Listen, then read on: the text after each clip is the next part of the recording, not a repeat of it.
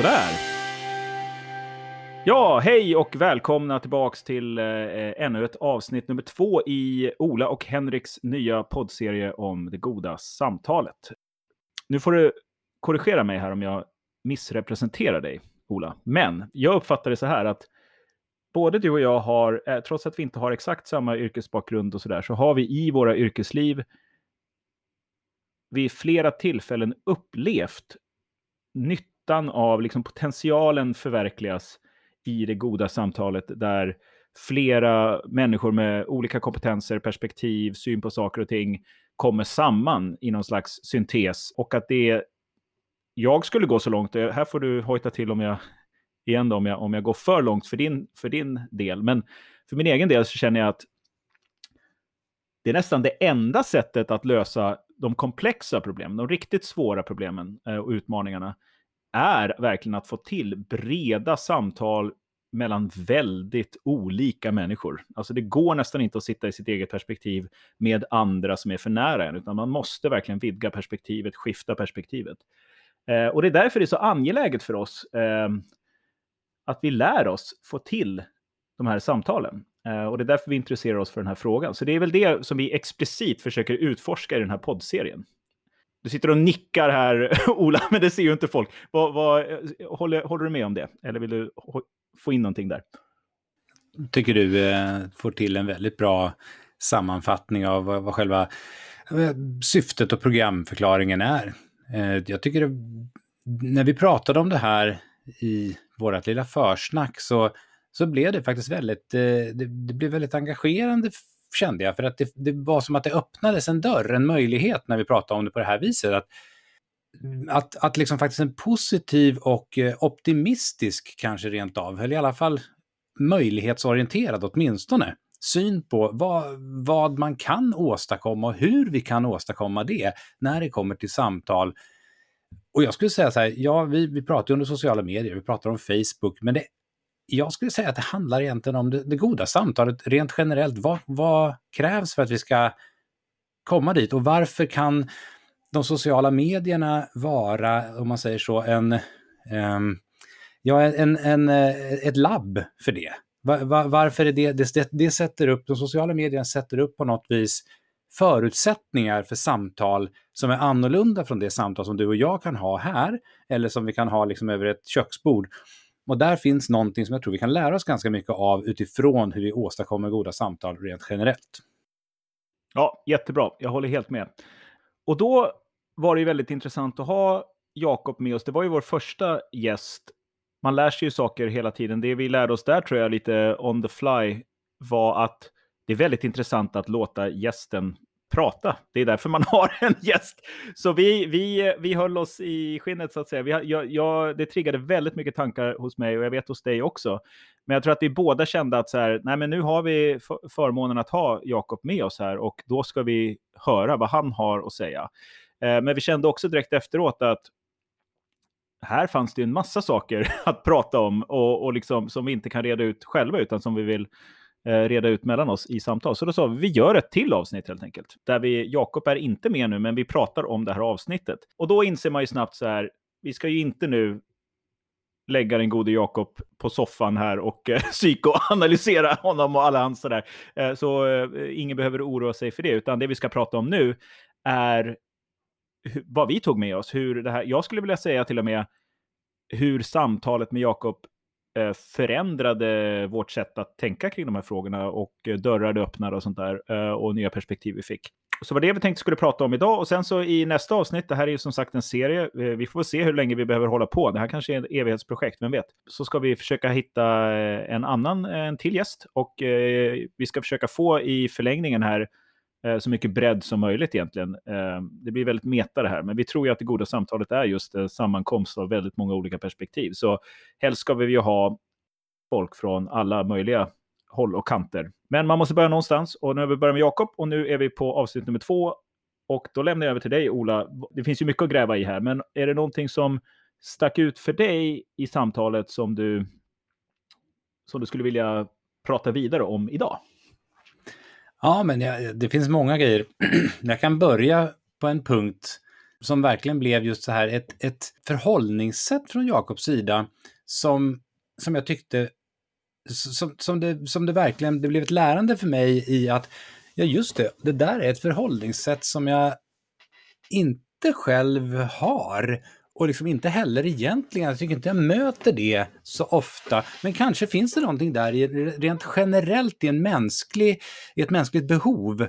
Jakob sa i, i, den här, eh, i avsnittet där att han såg det som sin plikt, eller liksom som sin uppgift, att eftersom han kunde så pass mycket om sitt område och eftersom han var så att säga i någon mening privilegierad, eh, så var det liksom, han hade ett ansvar att ställa sig upp och säga det han kan och det han ser och liksom att dela med sig av sin, av sin världsbild på något vis liksom för att han kan.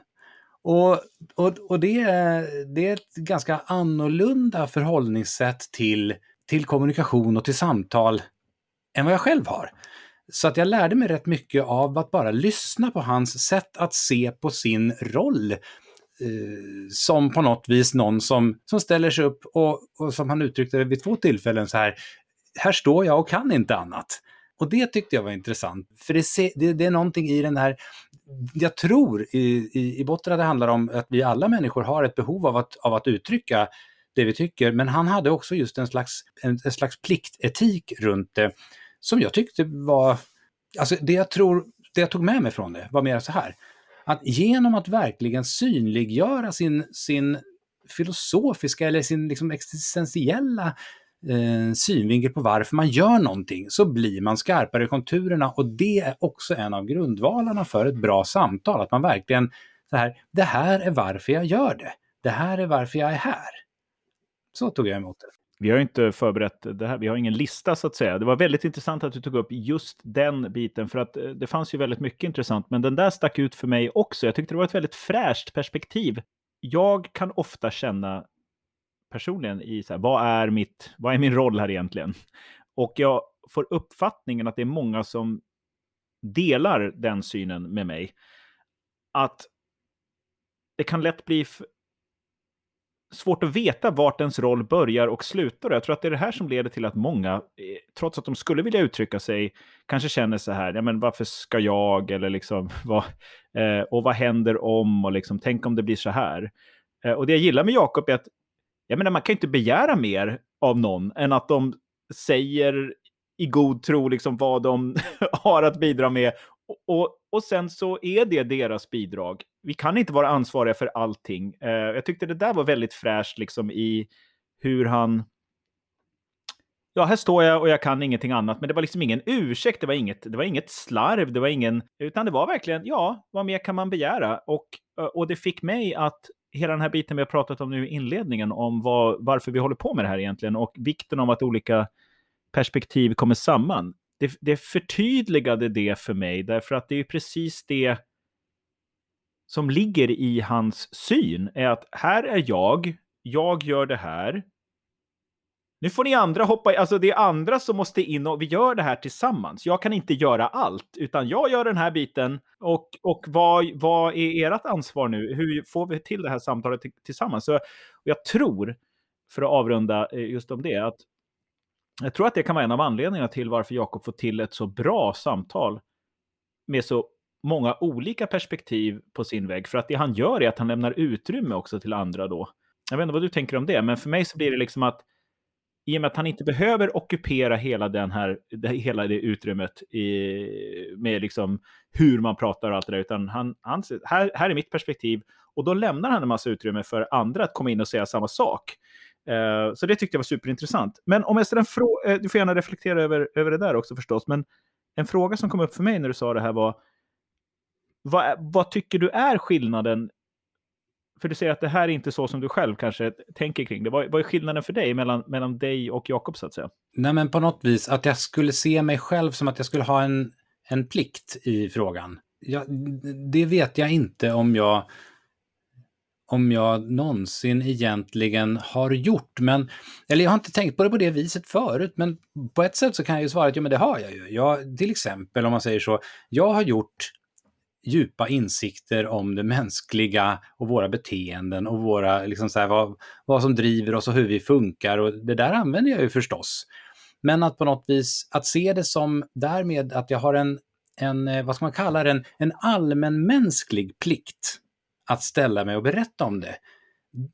Där, det har jag inte varit riktigt i kontakt med. Kanske, kanske kan jag komma i kontakt med det och det var det på något vis som fanns en öppning i det här att ja, nej men, och lite så, sådär för att um, um, jag har snarare jag har snarare själv dragit mig bort, som jag konstaterade i, i, i, diskussionen där också, att jag har snarare själv dragit mig bort från det offentliga samtalet eftersom jag känner att det blir inte, liksom, jag vill kunna närma mig andra och jag vill kunna eh, bli närmad av andra med en, hur ska man säga, med, med, med en tydlighet i lyssnandet, en tydlighet i respekten för att det jag har att säga eh, är lika mycket värt som det någon, någon annan har att säga. Eller, eh, lika mycket värt är fel ord, men på något vis att vi har i alla fall liksom en, en respekt för, för det där. Och på något vis är det, det är väl det som i de sociala medierna ofta Eh, kan försvinna. Men jag tror att det som är skillnaden här är att jag tror att Jakob får till det därför att han, han deklarerar väldigt tydligt att det här, det här är liksom mitt bidrag och det här är vad jag kan och det är vad det är. Det är på något vis bara just det, det är vad det är. Och han ställer sig där och säger det rakt ut. Och då kommer han att få en del mothugg och eh, som han själv uttryckte det här, liksom, det kommer eh, vildsvin och eh, kliar sig mot, mot ekens stam.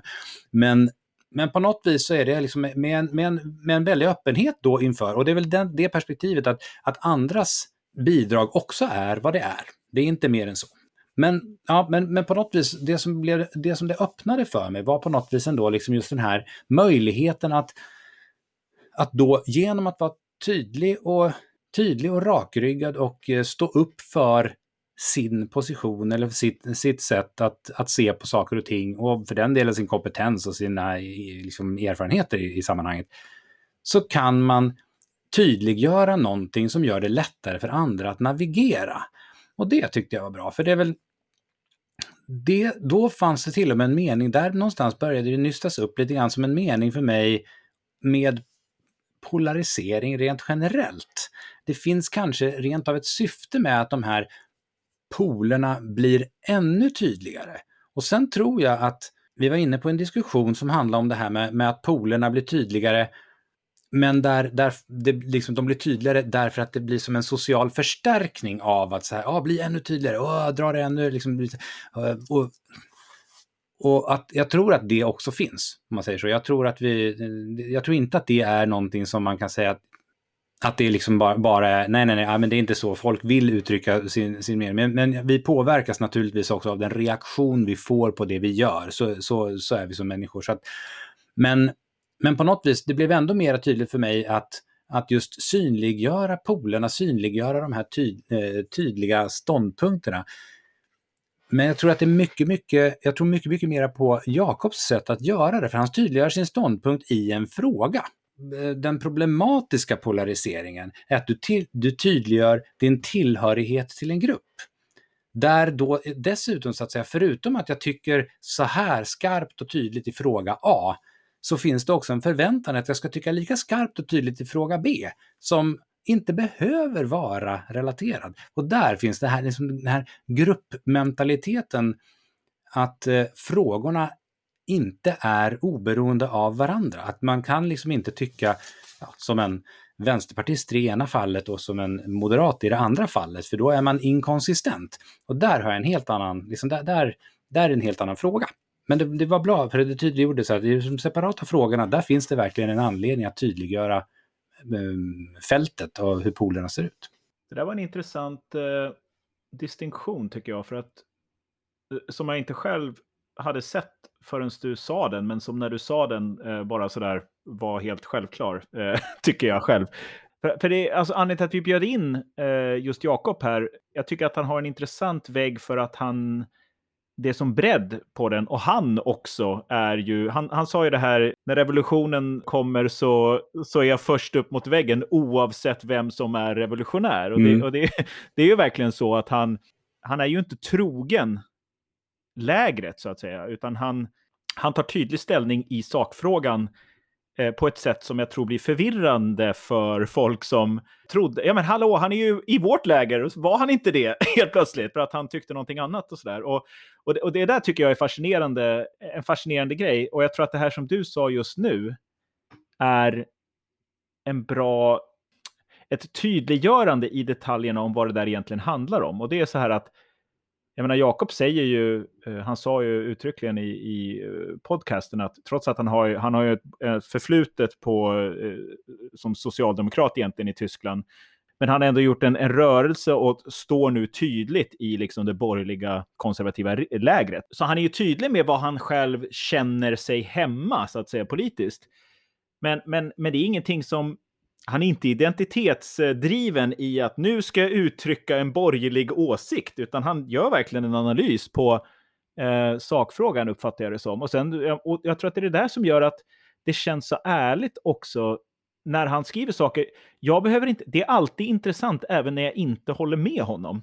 Och jag tror nu, baserat på vad du sa, att det beror på att det känns genuint det känns inte som att eh, det känns inte som en identitetsmantra. Att så här, för, för, det är inte förutsägbart heller. Alltså många av de här på vä alltså väggarna som finns på, på nätet är ju så extremt förutsägbara. Just för att folk verkligen talar till sin grupp. Och jag vet redan vad den här, de är redan ideologer så att säga. De, de pratar bara, de är någon slags bottar nästan, som är bara så här, nu upprepar de det förväntade. Det här förväntas en person som vill identifiera sig med det här politiska lägret säga om den här frågan.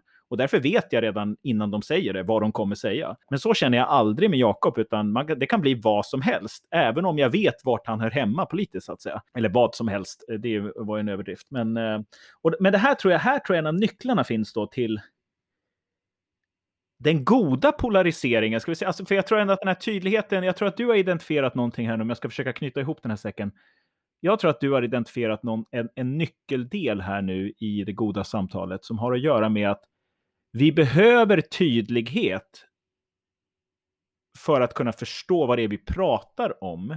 Och vi behöver en ärlighet kring vart man står i det här. För annars kan det bli väldigt otydligt om så här, jag tar inte ställning, ja, å ena sidan och andra sidan och ena, så här kan man se det. Ja, jag vet, jag vet att man kan se det på alla sådana här, det kommer liksom inte framåt, utan så här ser jag på saken, jag står i det här, det här är min syn, nu lämnar jag över det här. Den typen av tydlighet behöver man.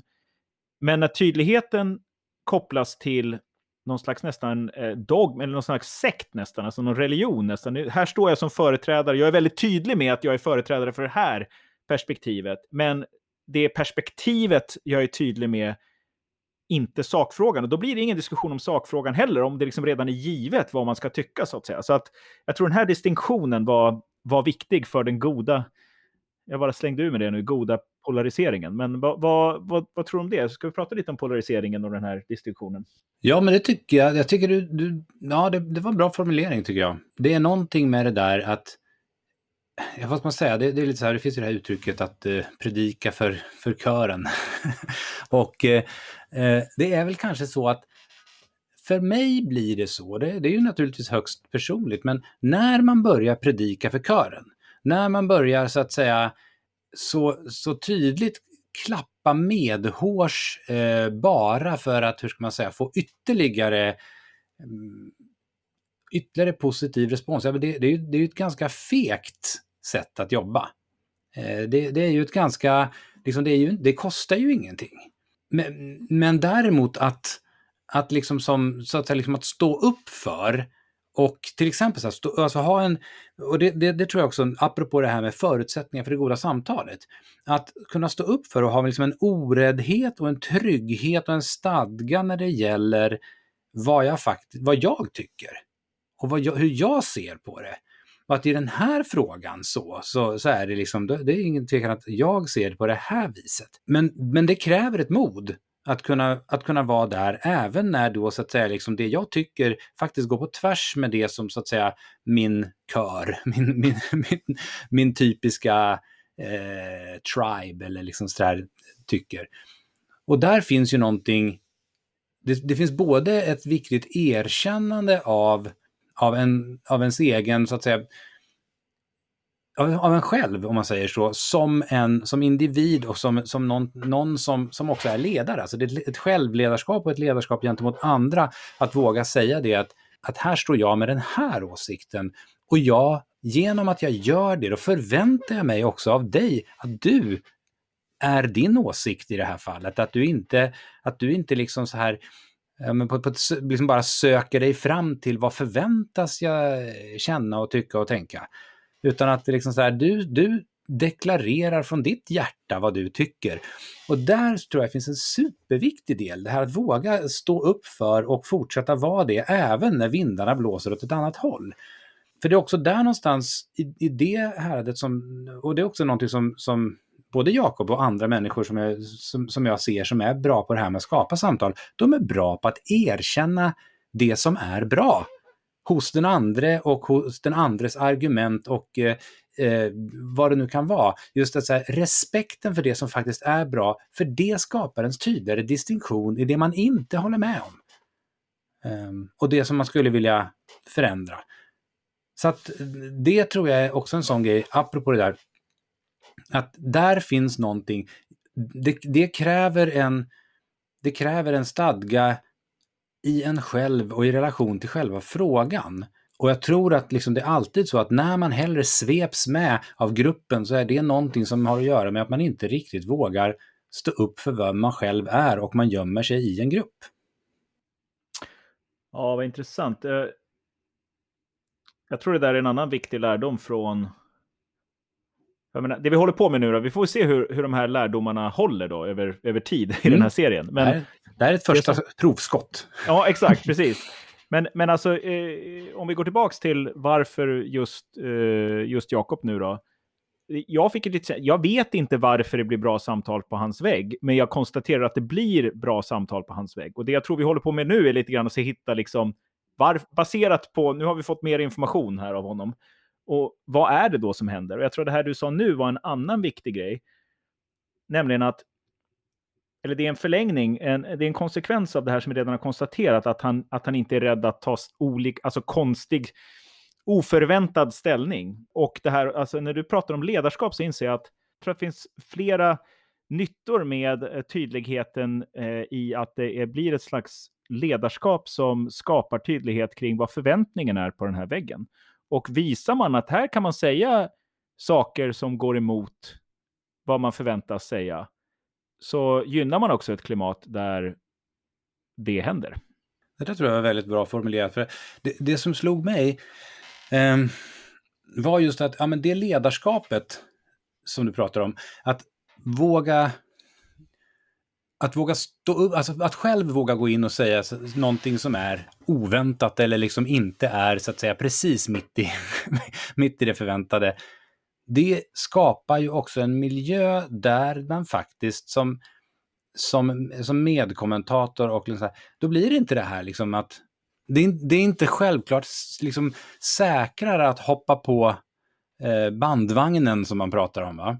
Eh, utan det, det är liksom Ehm, det, det fostrar en till att faktiskt i större utsträckning bli sina egna, eh, alltså liksom våga uttrycka och säga rakt ut det man, det man själv vill och tycker i, i frågan.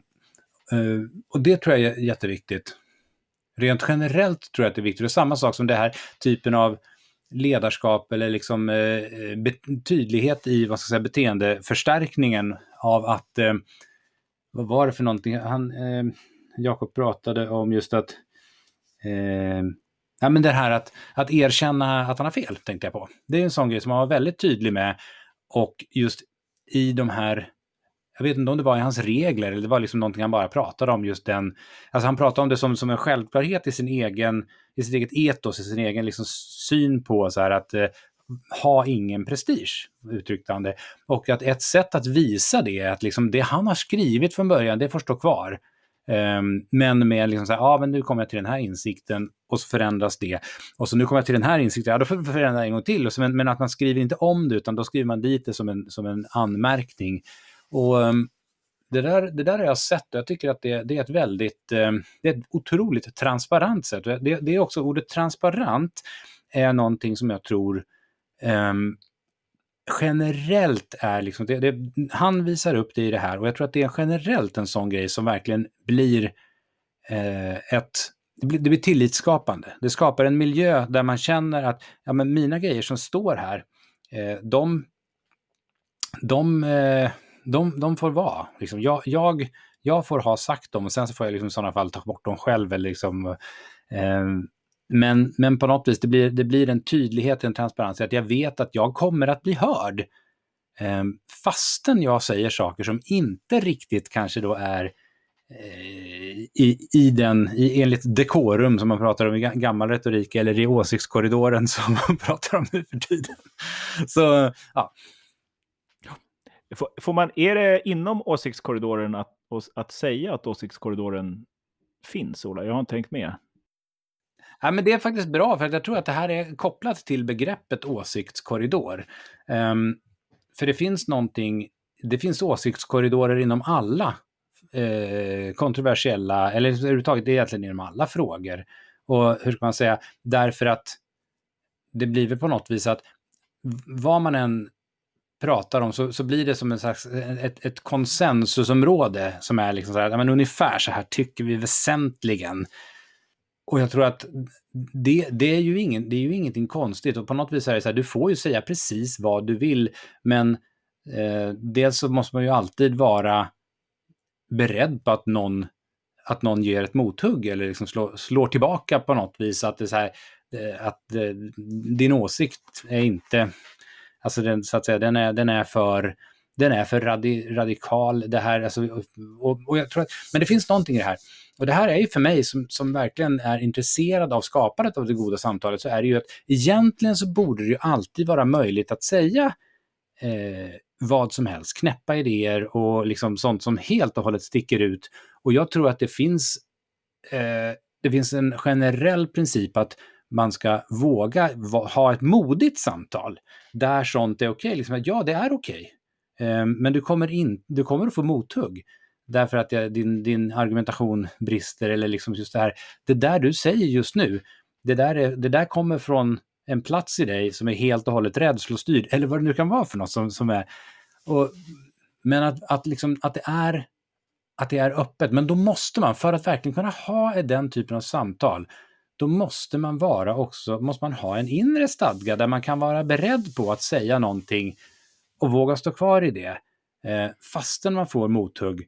Och också just göra så som, som Jakob där och tydligt gör, så här, ja, jag stod, för, jag stod för det här då, med de, med de givna förutsättningarna. Nu när jag fått de här argumenten eller de här fakta eller vad det nu kan vara, ja men då flyttar jag mig.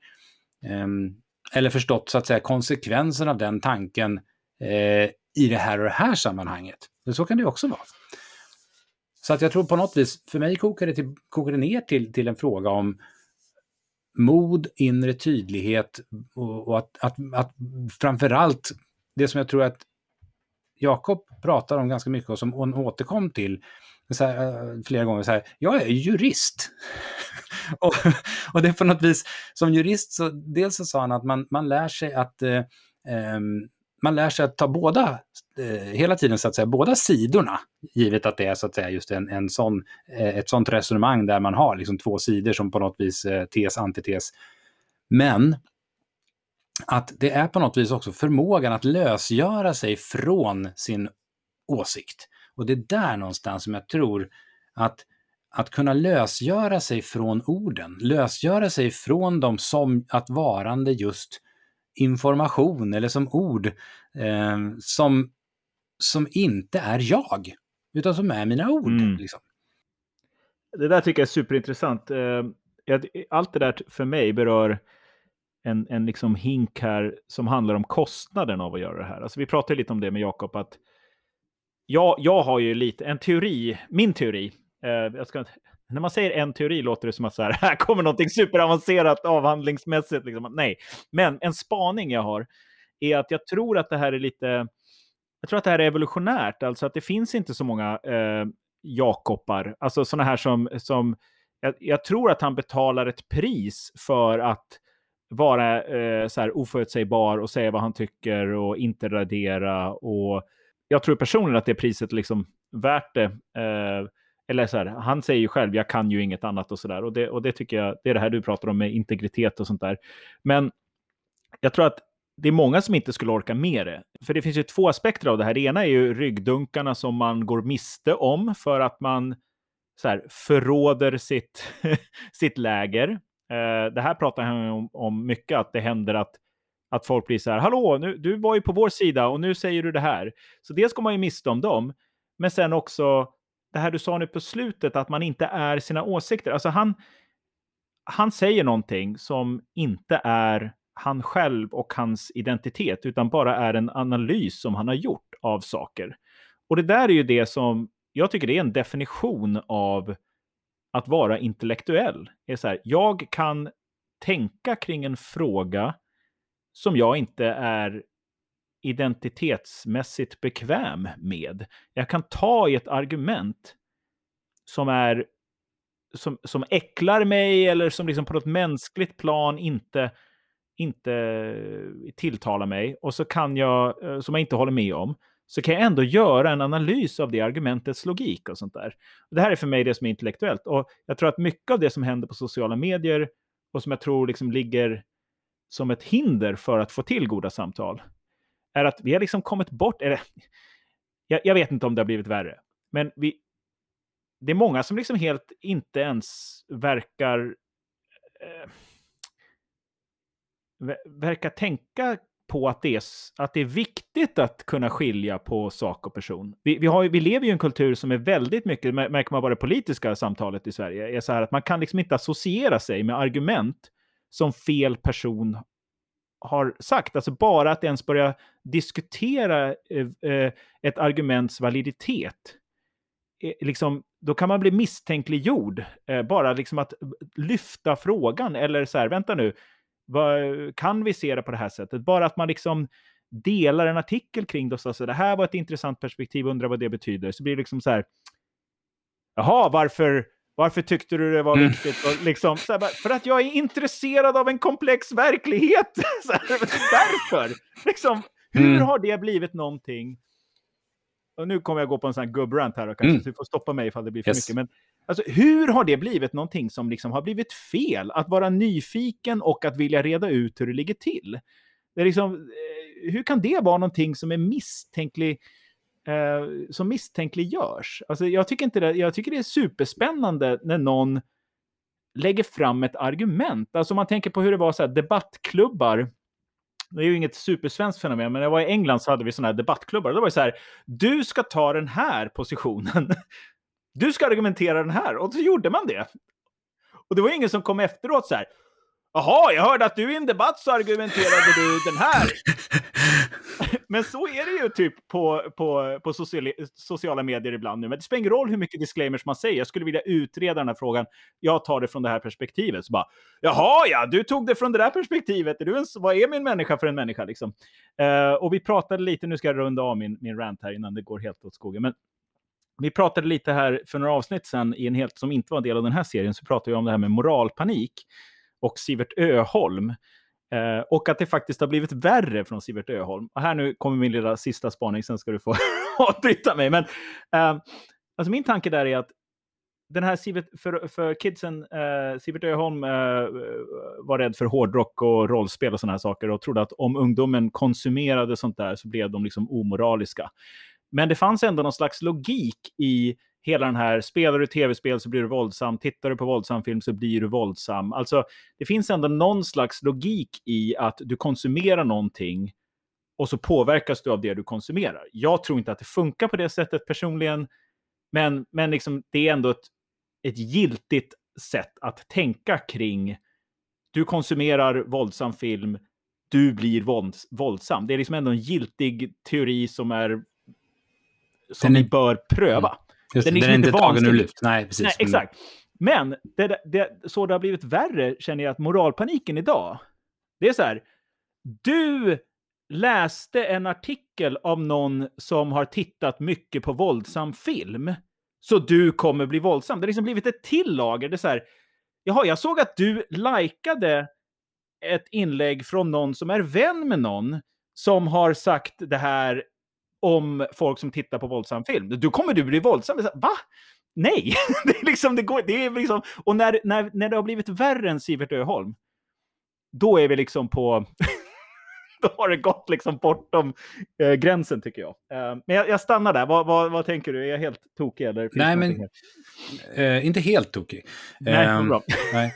Men så här, jag tänker, min association är, är på något vis att det, ord, ordet som dyker upp är ju det här guilt by association. Och det är lite grann så att säga att när vi pratar om Sivert Öholm och den typen av grejer, liksom så här, då är det ju att eh, jag gör någonting, jag tittar på våldsfilm. Eh, ja, då är det liksom så här, nästa görande är att själv utöva våldet. Det är det som gör att den, den teorin på något vis håller ihop, även om den förmodligen sociologiskt på alla sätt visar sig vara ganska fel. Eh, men, men det här är ju på något vis en fråga om mera att du umgås med, eller du, du så att säga indikerar tillhörighet till.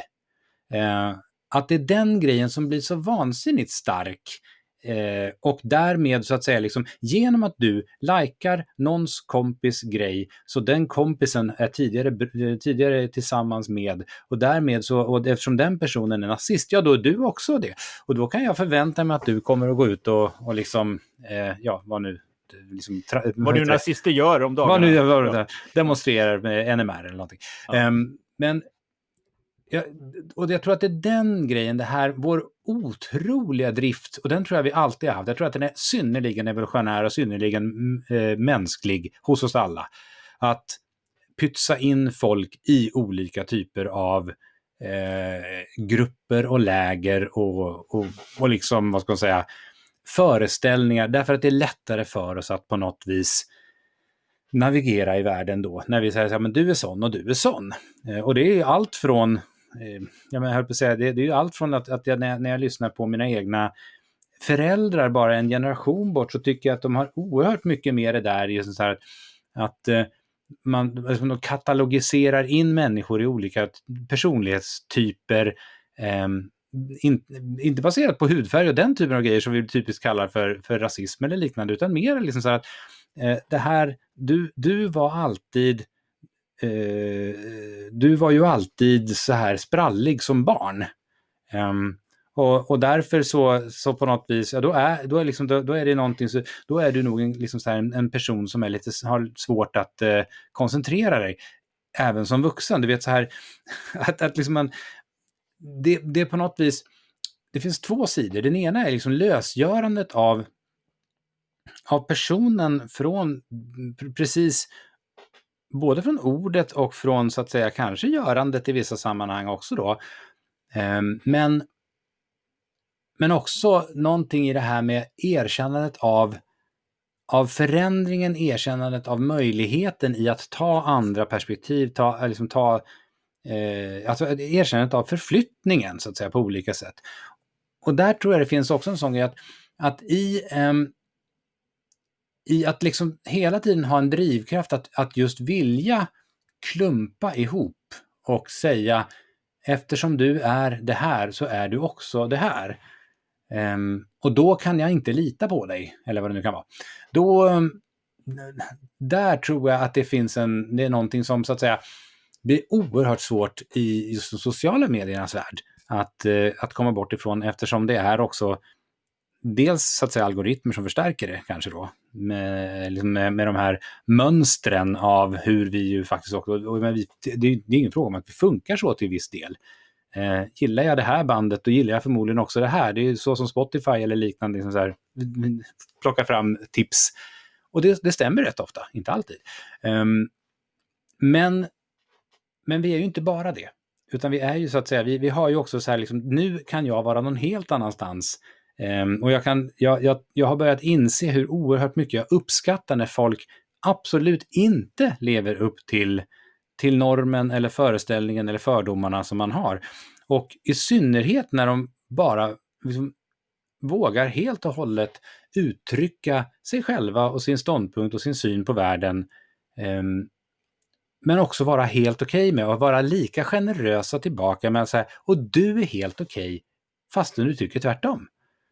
Men, och jag tror inte det bara är intellektuellt om man säger så. Jag tror inte det bara är en fråga om så här, liksom det, att vara att, att kunna ta någon annans perspektiv på en fråga, det är inte bara en fråga om intellekt, eh, intellektualism, eller vad man ska kalla det. För mig är det faktiskt en fråga om, um, om synen på oss som, som människor, att vi faktiskt alla är det. Att vi är människor allihopa och att vi, vi därmed så att säga kommer att ha olika syn på saker och ting och att det erkännandet av den grejen möjliggör eh, utveckling egentligen. Men för att det ska kunna bli utveckling av det, och nu kommer vi tillbaka till där vi började, då, då krävs också ett samtal, ett, ett klimat där de här olika perspektiven kan mötas och tas på allvar och med respekt. Ja, jag, det där, jag köper det där. Jag tror att det är bra att du knöt ihop eh, varvet så att säga. För att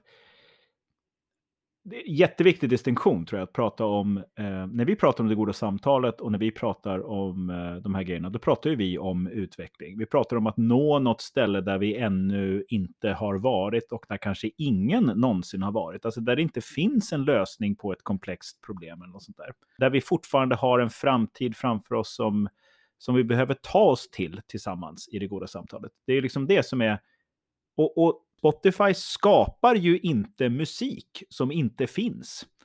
Spotify eh, sätter mig i kontakt med musik som inte finns som jag eh, som finns, men som jag inte har upptäckt. Och det är en helt annan sak en, eh, eh, det finns element av utveckling i det också. För det är förstås så att mycket innovation, det finns ju två definitioner av innovation, eller ja, nu har ju inte jag, det var ett tag sedan jag skrev en avhandling om innovation, men, men det kanske har hänt någonting. Men det finns ju två klassiska definitioner. Det ena är någonting som inte fanns och som nu finns, typ internet. Men den allra mesta innovationen, och det här märker vi nu till exempel i pandemier och sånt där, det är ju en lösning som finns någonstans redan, men som inte är implementerad i den lokala miljön där man verkar. Alltså, i, här, jag bor ju i Kanada till exempel. Kanada och Nordamerika har ju inte kommit på det här med typ digipasser och internetbanker än. Så vi håller fortfarande på med checkar. Och det är så här, varför gör vi det? Det är, liksom, det är inte så att det inte finns. Sen typ 97 så finns det i Sverige liksom internetbanklösningar som är bättre än här. Och jag tror att ibland så är det lite oklart vad folk vill uppnå. Jag tror mycket av den här frustrationen som kan liksom uppstå är att ja, men nu fick vi inte till något gott samtal här. Det kan ju vara för att vi vill olika saker med det goda samtalet. Att vi vill inte ha den här utvecklingen. Utan jag vill bara kanske uttrycka min, min frustration över hur, hur det här partiet tycker i den här frågan. Eller hur orolig jag är över vad det nu kan vara. Nå, någon, någon slags utveckling i samhället som man ser och som man oroar sig för. Och där tror jag då för att knyta över till någonting som vi också pratat om lite grann, du och jag, Ola. Jag tror att det är här som en ytterligare aspekt av de här mönstergrejerna kommer in, som är att vi försöker, allting ska liksom hänga ihop hela tiden. Eh, och det här blir komplicerat. Jag tänkte på det här om dagen när det var internationella kvinnodagen. Är jag feminist eller är jag inte feminist? Och det är så här, ja, för mig så är jag feminist. Och jag har inga problem att säga att jag är feminist. För att för mig så är det uppenbart att kvinnor jag känner behandlas på ett visst sätt som är fel för att de är kvinnor. Det tycker jag är fel och då är jag för att det ska förändras och då tycker jag att då kan jag kalla mig feminist. Samma sak med att jag är så här antirasist för att jag tycker liksom att rasism är bland det vidrigaste som finns och det finns och liksom, jag vill inte att det ska finnas. Så för mig är det här väldigt, väldigt enkelt. Men jag märker att det finns väldigt många som är liksom obekväma med att kalla sig antirasist eller något sånt där. Och det är för att de jag tror, nu, nu, jag vet inte, för jag tänker inte sådär själv. Jag tror att de, det är för att allting måste hänga ihop. Det är så här, men om jag kallar mig för feminist, då är jag ju också mot män eller något sånt där. Eller så är jag också identitetspolitiker. Eller så är jag också så här vänstermiljöpartist. Eller så är jag också... Är du det? Jag vet inte. För mig, jag, jag kan vara... Jag tror inte att det är så. Jag tror inte att allting hänger ihop på det här sättet. Jag behöver inte tro att vita har kollektiv skuld för att jag är antirasist. Jag behöver inte tycka de två sakerna samtidigt. De hänger inte ihop. Och jag tror att det kan finnas något sånt här i, som kommer i vägen också och som har att göra med hela den här moralpaniken kring alltså associationsskulden. Att vi tror att det hänger ihop. Eh, och jag tror att en sån som Jakob då, för att komma tillbaka till honom, en av anledningarna till att folk blir så sura på honom när han bryter... Alltså var, varför? Man kan ju fråga sig varför är det så jobbigt för folk när han helt plötsligt inte beter sig på ett konservativt sätt. Och jag tror att det har att göra med det här att det är så här, men hallå, allt det här hänger ju ihop. Du kan ju inte tycka det här ifall du inte också tycker det här. och det här har jag märkt själv, för, jag, för att det här som jag sa nu om feminism och sådär, alltså jag uttrycker mig sådär på min vägg också. Att, att, eh, jag vet inte om jag är oförutsägbar på Jakobs nivå, men liksom, jag märker ibland att jag går mellan läger. Och det blir alltid, det blir alltid konstiga reaktioner på det. Det blir alltid någon som är så här, oh, nej. Någon som har hållit med en, liksom, som har sagt så här, du har så bra analysförmåga. Eller man får liksom fått positiv feedback på sin, på sin förmåga att analysera problem och komma till slutsatser. Och sen så säger man någonting som är oväntat och som kanske är fel, vad vet jag. Och då är det liksom allt det där liksom, you're out man! Glöm allt det här jag har sagt om att du kanske har någonting att säga om någonting. För nu sa du det här. Och jag är alltid så här, men varför, varför sitter det där så starkt i folk att man bryter mönster och att man frikopplar sin identitet från sakfrågan? Och jag tror att det kan vara en sån här obehagsreaktion till att så här, hallå, nu går, nu går någon slags kognitiv dissonans. Att nu hänger inte min värld ihop längre. Vadå, går det att tänka sig att de här två... Så, går det att vara feminist och mot eh, någon vänsterextrem eh, samtidigt? Alltså, ja, det går. Och det kanske är något sånt där som händer på sociala medier också, att, att vi liksom inte riktigt pratar om att alla de där processerna händer, utan liksom några personer försöker ha ett samtal om en sakfråga och sen så är det folk som ser det och blir så här, hallå, vad är det som försiggår här? det här går ju emot liksom. Och så bara reagerar man på det så här, hallå, ni är ju sådana här. Jag undrar om liksom, man kanske behöver någon slags programförklaring. Eh, och sen om vi någonsin kan uppnå det, det vet jag inte. Men det kanske är en sån grej som kommer i vägen för det goda samtalet också, att vi inte ens, alla inte ens är där för att ha ett gott samtal och försöka hitta någon slags lösning på någonting, utan att folk är bara där. Vissa har en dålig dag, eh, vissa har en bra dag.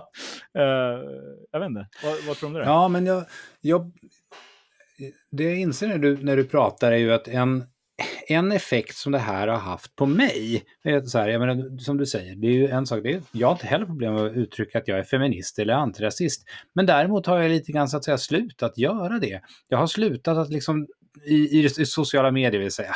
Jag har inga problem att göra det i, i ett samtal eller något sånt där. Men på något vis så är det som att de sakerna som jag, som jag står för eller, eller liksom har en, eh, en syn på, jag kommer, kommer att tänka på eh, någonting som jag har hållit mig synnerligen mycket borta från, till exempel det svenska eh, pandemi... Eh, eh, och då, då jobbar jag ändå med ledarskap. Och jag har naturligtvis en massa så här synvinklar och synpunkter, men det är lite som att så här, det, det jag skulle i sådana fall vilja åstadkomma, det är mera att liksom så här, hej, här är jag. Jag kan stå i väldigt, väldigt många olika typer av perspektiv på den här frågan. För jag tycker den är synnerligen komplex. Jag vet att det absolut inte finns en enkel så här bara, de har gjort fel och de är idioter och de gör rätt.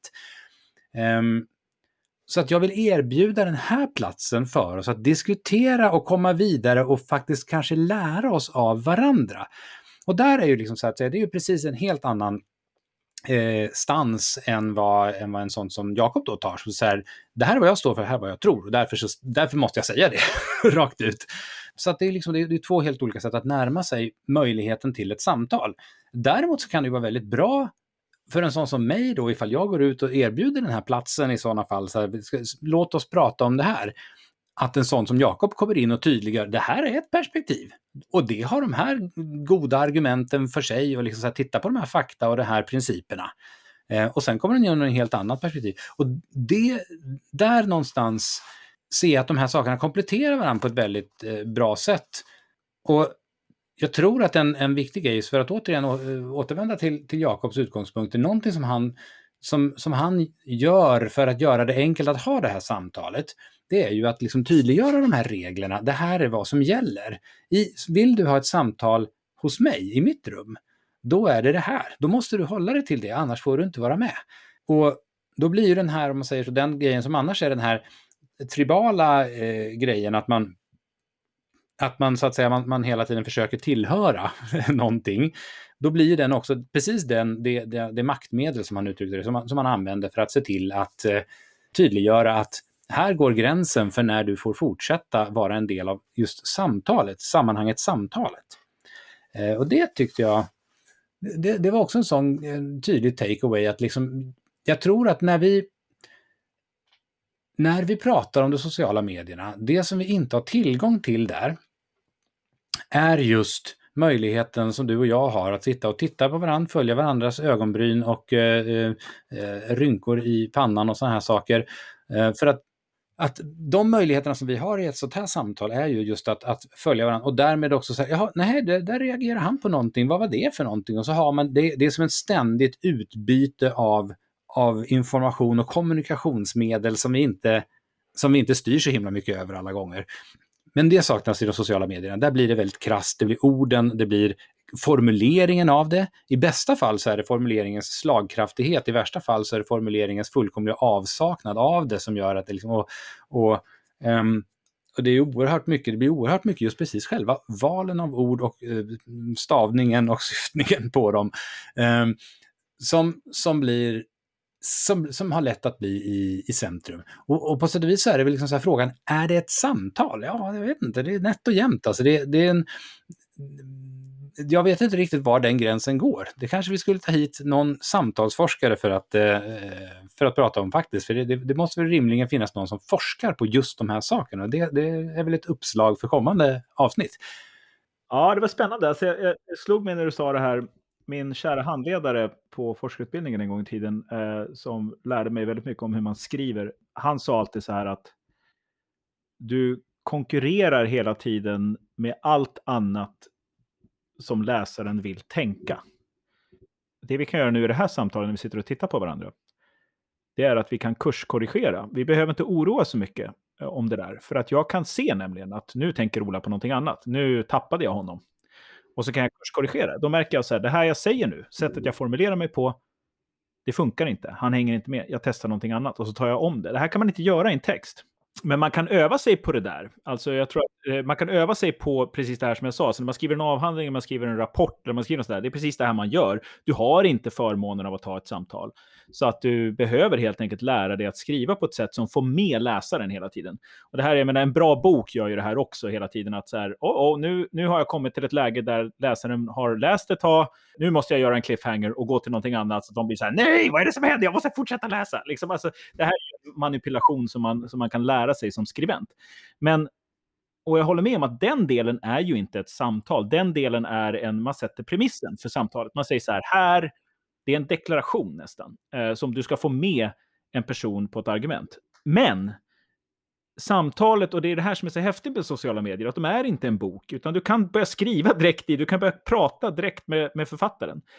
Och det är där samtalet uppstår. Det skulle jag säga är ett samtal. Och det kan vara viktigt för att få liksom en utgångspunkt för ett gott samtal. Jag tror att det är svårt att börja ett gott samtal om utgångspunkten är alldeles för fel, om den är för raljerande eller liksom sådär eh, onyanserad eller, eller leder tanken fel. Men jag tror att mycket viktigt också händer i hur man, hur man sätter upp reglerna för det efterföljande samtalet. Det här tror jag Jakob har mycket att lära oss i sina regler kring så här, hur, Eh, till exempel att han inte ändrar, han manipulerar inte ursprungskällan, utan han gör en edit, han låter det stå, han skriver vart han har ändrat. Då bjuder han in till samtal, man, man, får igen någonting av att vara med, så att säga. Och så har han vissa regler och sådär. En annan sak som han sa som var så intressant var det här med att han inte tar in marginalen. Och jag tror att alla kan inte vara med. Det går inte att hämta in alla i det goda samtalet, för det tar för lång tid. Och jag har tänkt på det här ett annat, från ett annat håll som handlar om det här med att korrigera felaktigheter. Och att eh, det är en stor skillnad mellan att rätta lögner, om man säger så, eller korrigera felaktigheter, och, å ena sidan, och att tala sanning å den andra, eller tala om saker som är relevanta och den andra, berätta en historia å den andra sidan. Om vi går tillbaks till det här vi pratade om, ska man kalla sig feminist, eh, ska man kalla sig antirasist och sådär. Det finns liksom två sätt att påbörja de diskussionerna på. Det ena är att börja i att korrigera felaktigheter.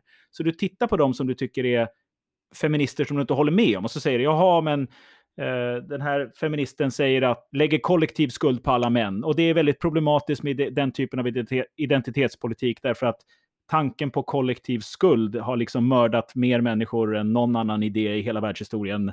Nazisterna, kommunisterna, alla de här. Du kan börja där. Eh, samma sak, du kan börja en antirasistdiskussion genom att säga det är fel att eh, Black Lives Matter bränner butiker, vad, vad det nu är liksom. Men du kan också börja i andra änden som är så här, det är fel att folk behandlas dåligt bara på grund av att de är kvinna eller att de har en viss hudfärg. Det är fel på ett mänskligt plan, det är, det är också dåligt för alla. Det är inte bara de som drabbas av det, utan det är liksom hela samhället.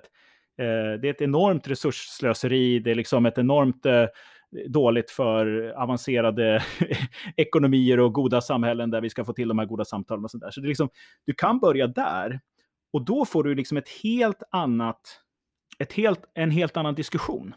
För då pratar du om det som faktiskt spelar roll. Istället för att hålla på och korrigera en massa saker som egentligen inte spelar så. Jag säger inte att de här sakerna enskilt inte är oviktiga. Jag tycker att det är viktigt att vi diskuterar hur vissa av de här radikala varianterna av de här i övrigt goda rörelserna eh, hotar eh, det demokratiska samtalet, hotar eh, olika saker och ting. Alltså det här har ju gått fel många gånger. Alltså goda idéer som liksom att skydda grupper mot något slags hot eh, har ju gått fel många gånger. Det är en mycket, mycket farlig väg att gå. Så jag säger inte att det är helt irrelevant att prata om det. Men det kan liksom inte ockupera hela samtalet. Och här tror jag att Jakob har så rätt i att han liksom inte tar in den marginalen. Han pratar inte ens med någon, utan han säger bara så okej, okay, håll på med det där om ni vill. Jag börjar här. Eh, och här pratar vi om det här. Eh, så det tror jag är en superviktig grej också, som gör att det också blir relevant och intressant för alla. Och då får du ju en positiv spiral i det här, att folk vill vara med i det. Så att, Eh, det var en reflektion jag hade där. Ja, mycket bra. Jag tycker det, det finns eh, det, två saker som jag verkligen tar med mig från din delning här var, var att den ena är så här att på det sättet som, alltså ett sätt att, någonting att ta med sig eh, från Jakobs sätt att, att förhålla sig och även ditt sätt att liksom beskriva det här är ju det att när man gör då på sociala medier, alltså en deklaration, eh, men tydliggör att det här det är någonting så att säga, vi börjar här, det är ett korn att börja bygga på. Men eh, diskussionen och samtalet runt det bygger vidare på det så att det faktiskt utvecklas. Obs, edit eller vad det kan vara. Man kan fortfarande stå kvar i det principiella, men det, liksom, det, det byggs på. Och det som händer i tråden, det är inte bara liksom för att locka fram folk att skrika bu eller bä eller hurra eller vad dåligt. Utan det är faktiskt för att komma vidare, för att liksom skapa ny kunskap, nya förståelser och nya perspektiv i det här. Och det var väl det ena. Och sen också det andra, just att på något vis är det lite grann, jag tror att den här grejen att börja eh, i perspektivet att någonting är fel, det, det är ju ett... Eh, det drar ju till sig, alltså det drar ju till sig våra blickar. Eh, det, det, är som de här, de, när man gör de här eh, experimenten som man gjort i sociala medier, liksom så här, det absolut lättaste sättet att få mycket vad heter, kommentarer är att skriva någon form av fel eh, i, i, en, eh, i, sin status eller i, i, vad det nu är för någonting. Eller bara att stava fel, så drar det till sig folk. För att det där med dissonanserna är det som faktiskt drar till sig våra blickar. Och att hitta ett sätt att jobba med det så att vi faktiskt kan eh, Eh, kan prata om positiva saker och gå in med ett, liksom ett upp, uppbyggande och eh, positiv spiral och möjlighetstänkande Eh, perspektiv på saker. Där har vi ju någonting som, som jag tror vi gör i större utsträckning eh, vi gör i större utsträckning i andra sammanhang än de sociala medierna. Men det är verkligen en sån grej som, som jag kan känna så här, där vet inte jag alls hur man ska kunna göra någonting åt det i sig.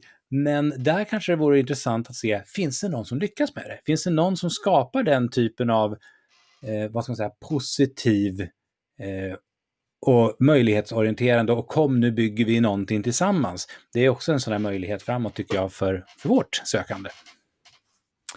Ja, väldigt bra. Vi får ju ut och leta i verkligheten efter de här eh, gästerna. Och om det är någon lyssnare som eh, inspireras av det här och känner att jag vet ju precis vem ni ska bjuda in, så får ni gärna kontakta oss. Vi kommer ju dela de här avsnitten på våra Facebook-väggar öppet, så där kan ni skriva. Vad bra. Alltså, vi kommer inte lösa allt det här i en sittning, så att säga. Ett stort tack igen till Jakob som eh, gav oss sin tid och sin eh, transparens och sin öppenhet här, eh, ska jag säga. Superspännande. Vi får väl se hur rent avgränsade de här små reflektionsavsnitten blir. Alltså jag tror att vi kommer säkert ackumulera en diskussion som kommer flyta in. Jag hoppas att det här blir ett, liksom ett litet lärande där vi i nästa avsnitt diskuterar vad vi har lärt oss från det avsnittet, men även eh, kanske vad vi har lärt oss från tidigare avsnitt, så att vi får någon slags eh, framåt anda här. Men vi kanske ska nöja oss för idag. Vad tror du om det? Jag tycker det låter jättebra. Det känns som en naturlig landningspunkt. Eh, om du skulle välja någon sån där några särskilda grejer som du tar med dig från det här? Vad, vad blir det? Vad jag tar med mig är att det spelar roll. Det finns best practices för hur man får till goda samtal på sociala medier. Jag tror inte att det är en slump att Jakobs regler till exempel skapar ett bra klimat. Jag tror inte att det är en slump att de reglerna är inspirerade, att det är regler som är inspirerade just från juridiken och det samtalet där. Jag tror att det finns någonting här som, det finns någon slags grundläggande allmänmänskligt eh, som vi faktiskt kan göra för att få till det goda samtalet. En bra, tydlig utgångspunkt, ett ledarskap i att man visar att det, här kan du vara dig själv, en trygghet i det, en slags eh, intellektualitet i att man faktiskt kan diskutera saker, att man håller sig borta från personangrepp. Allt det där för mig är i samma hink av att det finns en slags best practice här. Och eh, vi ska försöka ta reda på vad den, vad den är. För det som var så intressant när man pratade med Jakob var att han eh, eh vet ju inte själv varför det funkar, alltså, utan han, han, var ju också intresserad av att reda ut det så att säga. Så att, eh, här har vi någonting att eh, ta tag i. Vad, vad, tar du med dig? Ja, jag tar med mig eh, ganska mycket det du sa, men också på något vis, jag tycker att det, jag tycker vi har kommit en bit på väg. Eh, några grejer som, som just här, Eh, begränsande tankar som jag nu kan lite grann lägga bakom mig, som till exempel det här med tydligheten i de här, den, det som vi kallar den goda polariseringen. Det tyckte jag var en befriande grej. Eh, jag tycker också att vi har lite grann ungefär som så här arkeologer lite grann så börjat frilägga, hur ser det här ut? Hur ser de här husgrunderna ut?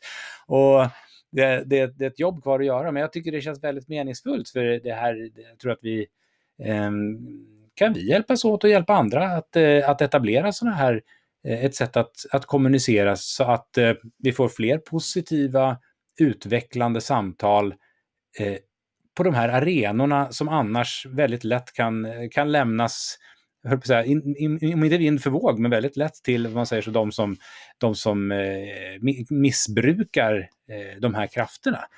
Då tycker jag att det finns mycket vunnet på det. Så att, eh, tack för det här Henrik, det var, det var fint tycker jag. Mm, tack själv, alltid kul. Eh, vad bra, men då ses vi allihopa i, eller hörs nästa gång. Och då blir det en gäst. Mm. Hemligt än så länge, för att ja. vi inte vet vi inte exakt vet. vem det är. Hemligt för alla. Hemligt för alla. Det är bra. Ha det så bra, hörru Ola. Hej då. Tack detsamma. Tack för idag.